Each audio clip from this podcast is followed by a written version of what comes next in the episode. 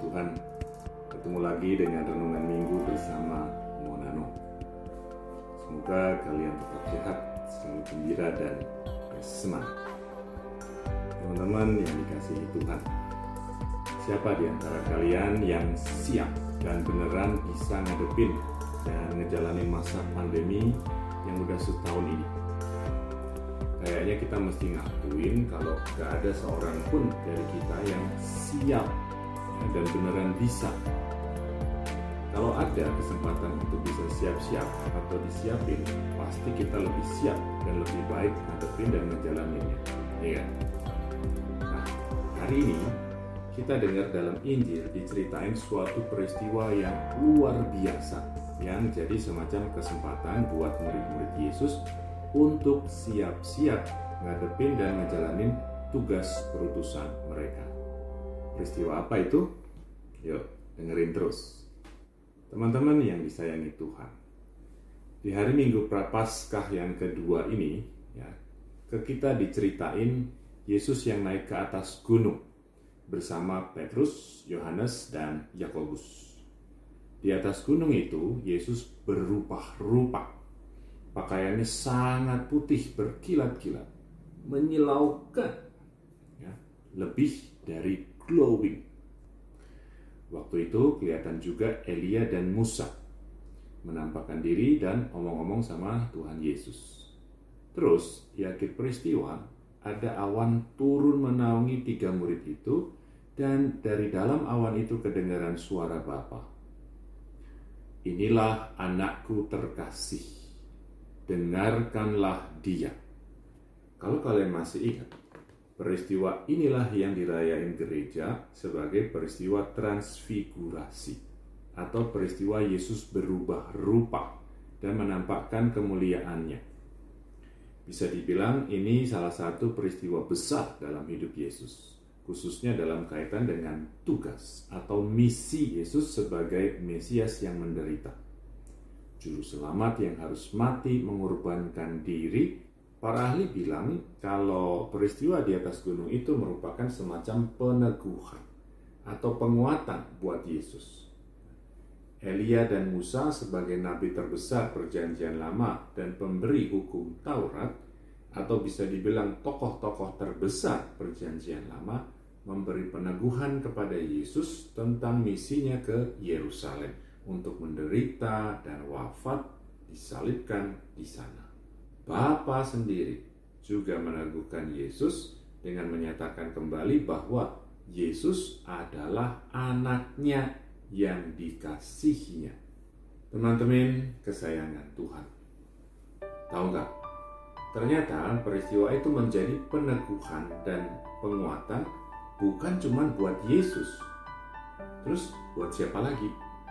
jelas buat Petrus, Yohanes, dan Yakobus sebagai wakil dari para murid. Peneguhan gimana nih? Ini misi sebagai Mesias yang menderita dan disiksa ternyata bukan misi yang enteng dan gampang. Bahkan buat Yesus sendiri. Bayangin gimana sulitnya juga buat para murid untuk menerima kenyataan itu. Para murid ini kan orang Yahudi. Nah, buat orang Yahudi, Mesias, orang yang diurapi Allah itu kan tokoh besar, terhormat dan berkuasa. Dengan kuasanya yang besar, dia bisa menyelamatkan bangsa Israel dari penderitaan, penjajahan, dan murka Allah. Maka susah sekali bagi para murid itu untuk menerima ajaran Yesus. Sahabat terkasih dalam Kristus. Markus cerita, baru enam hari sebelumnya Yesus ngajarin Petrus, Yohanes, dan Yakobus, bahkan juga murid-murid yang lain, ya ngasih tahu mereka siapa dia sebenarnya dan apa misinya. Habis Petrus bilang kalau dia itu, Yesus itu Mesias, anak Allah yang hidup.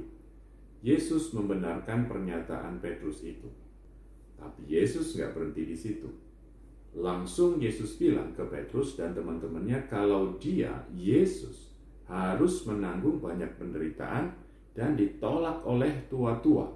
imam-imam kepala, ahli-ahli Taurat, lalu dibunuh. Meskipun bakal bangkit pada hari yang ketiga. Bisa bayangin kan gimana kaget dan gak ngertinya murid-murid itu. Petrus saja sampai bertindak ngawur, narik tangan Yesus lalu menegur Yesus. Bayangin, Yesus ditegur. Kalian mungkin bilang ke Petrus, lu gak apa-apa bro. Tapi itu yang terjadi. Makanya terus gantian Yesus yang ngomelin Petrus dan selanjutnya ngajarin semua murid-muridnya. Nah, manterman kekasih Allah. Peristiwa di atas gunung itu menjadi peneguhan dan penguatan bagi para murid, khususnya Petrus, Yohanes, dan Yakobus, untuk membantu mereka menerima pengajaran Yesus itu, menerima kenyataan bahwa ajaran itu suatu kebenaran, dan memberi mereka kekuatan untuk menjalani kenyataan yang sulit itu. Kemuliaan Yesus yang mereka lihat itu bikin hati mereka terangkat tinggi bagaikan ke surga. Petrus sampai bilang, Rabi, betapa bahagianya kami berada di tempat ini. Kemudian suara Bapa, inilah anakku yang kukasihi, dengarkanlah dia. Memastikan identitas Yesus dan sekaligus menegaskan apa yang harus mereka lakukan, yaitu mendengarkan apa yang diajarkan, diinstruksikan oleh Yesus. Kita tahu dari Injil kalau para murid itu sebenarnya sampai akhir tetap aja belum mengerti sepenuhnya apa yang diajarin dibilangin Yesus. Tapi kemuliaan Yesus yang mereka saksikan dan alami, terus juga kata-kata penegasan dari Bapa itu jadi kekuatan luar biasa buat mereka. Hati mereka dibarui, pikiran dan niat mereka ditetapkan. Dengerin Yesus, lakuin apa yang dia bilang. Teman-teman, kawanan yang dicintai Tuhan. Seperti buat para murid, peristiwa itu juga bisa jadi peneguhan dan penguatan buat kita. Masa prapaskah buat sebagian orang gampang-gampang aja karena mereka udah kebiasa dengan latihan-latihan rohani dan penyangkalan diri. Atau malah buat sebagian lagi biasa aja karena emang gak ada artinya buat mereka. Tapi kayaknya buat sebagian besar dari kita masa prapaskah jadi tantangan tersendiri. Kita harus ngusahain pertobatan yang dimulai dengan menyangkal diri kita menyangkal hal-hal yang menyenangkan diri kita, atau mulai ngelakuin hal-hal yang baik yang selama ini belum kita lakukan. Karena susah, berat, atau nuntut usaha tertentu, dan bikin kita gampang tergoda untuk gak ngelakuinnya. Untuk kejalanin masa prapaskah, masa puasa dan pantang ini, ya, kalian bisa nyari dan menimba kekuatan dari dua hal. Pertama, kemuliaan Tuhan itu tadi. Maksudnya, kalian bisa luangin waktu khusus untuk ber-quality time bareng Tuhan. Masuk dalam keheningan, berdua aja sama Tuhan. Supaya kalian bisa ngerasain kehadirannya, ngerasain kedamaian dan kebahagiaan karena kehadiran itu. Lebih mantap lagi kalau kalian bisa hening di hadapan sakramen maha kudus. Ini dahsyat banget. Tapi mungkin di masa pandemi sekarang ini agak susah ya. Gak apa-apa. Yang kedua, dengerin Yesus. Itu berarti kita perlu baca kitab suci. Baca kitab sucimu. Ya. Yang biasanya nggak baca, mulai membaca. Ya, sediain waktu untuk membaca yang sudah biasa baca, tambah dikit lagi ya. Teman-teman umat yang dipilih Allah. Seperti Bapa nggak pernah ninggalin Yesus, Yesus juga nggak pernah ninggalin kita, murid-muridnya. Dalam setiap perjuangan, kita selalu bisa mengandalkan dia dan minta bantuan. Termasuk sekarang, di masa prapaskah.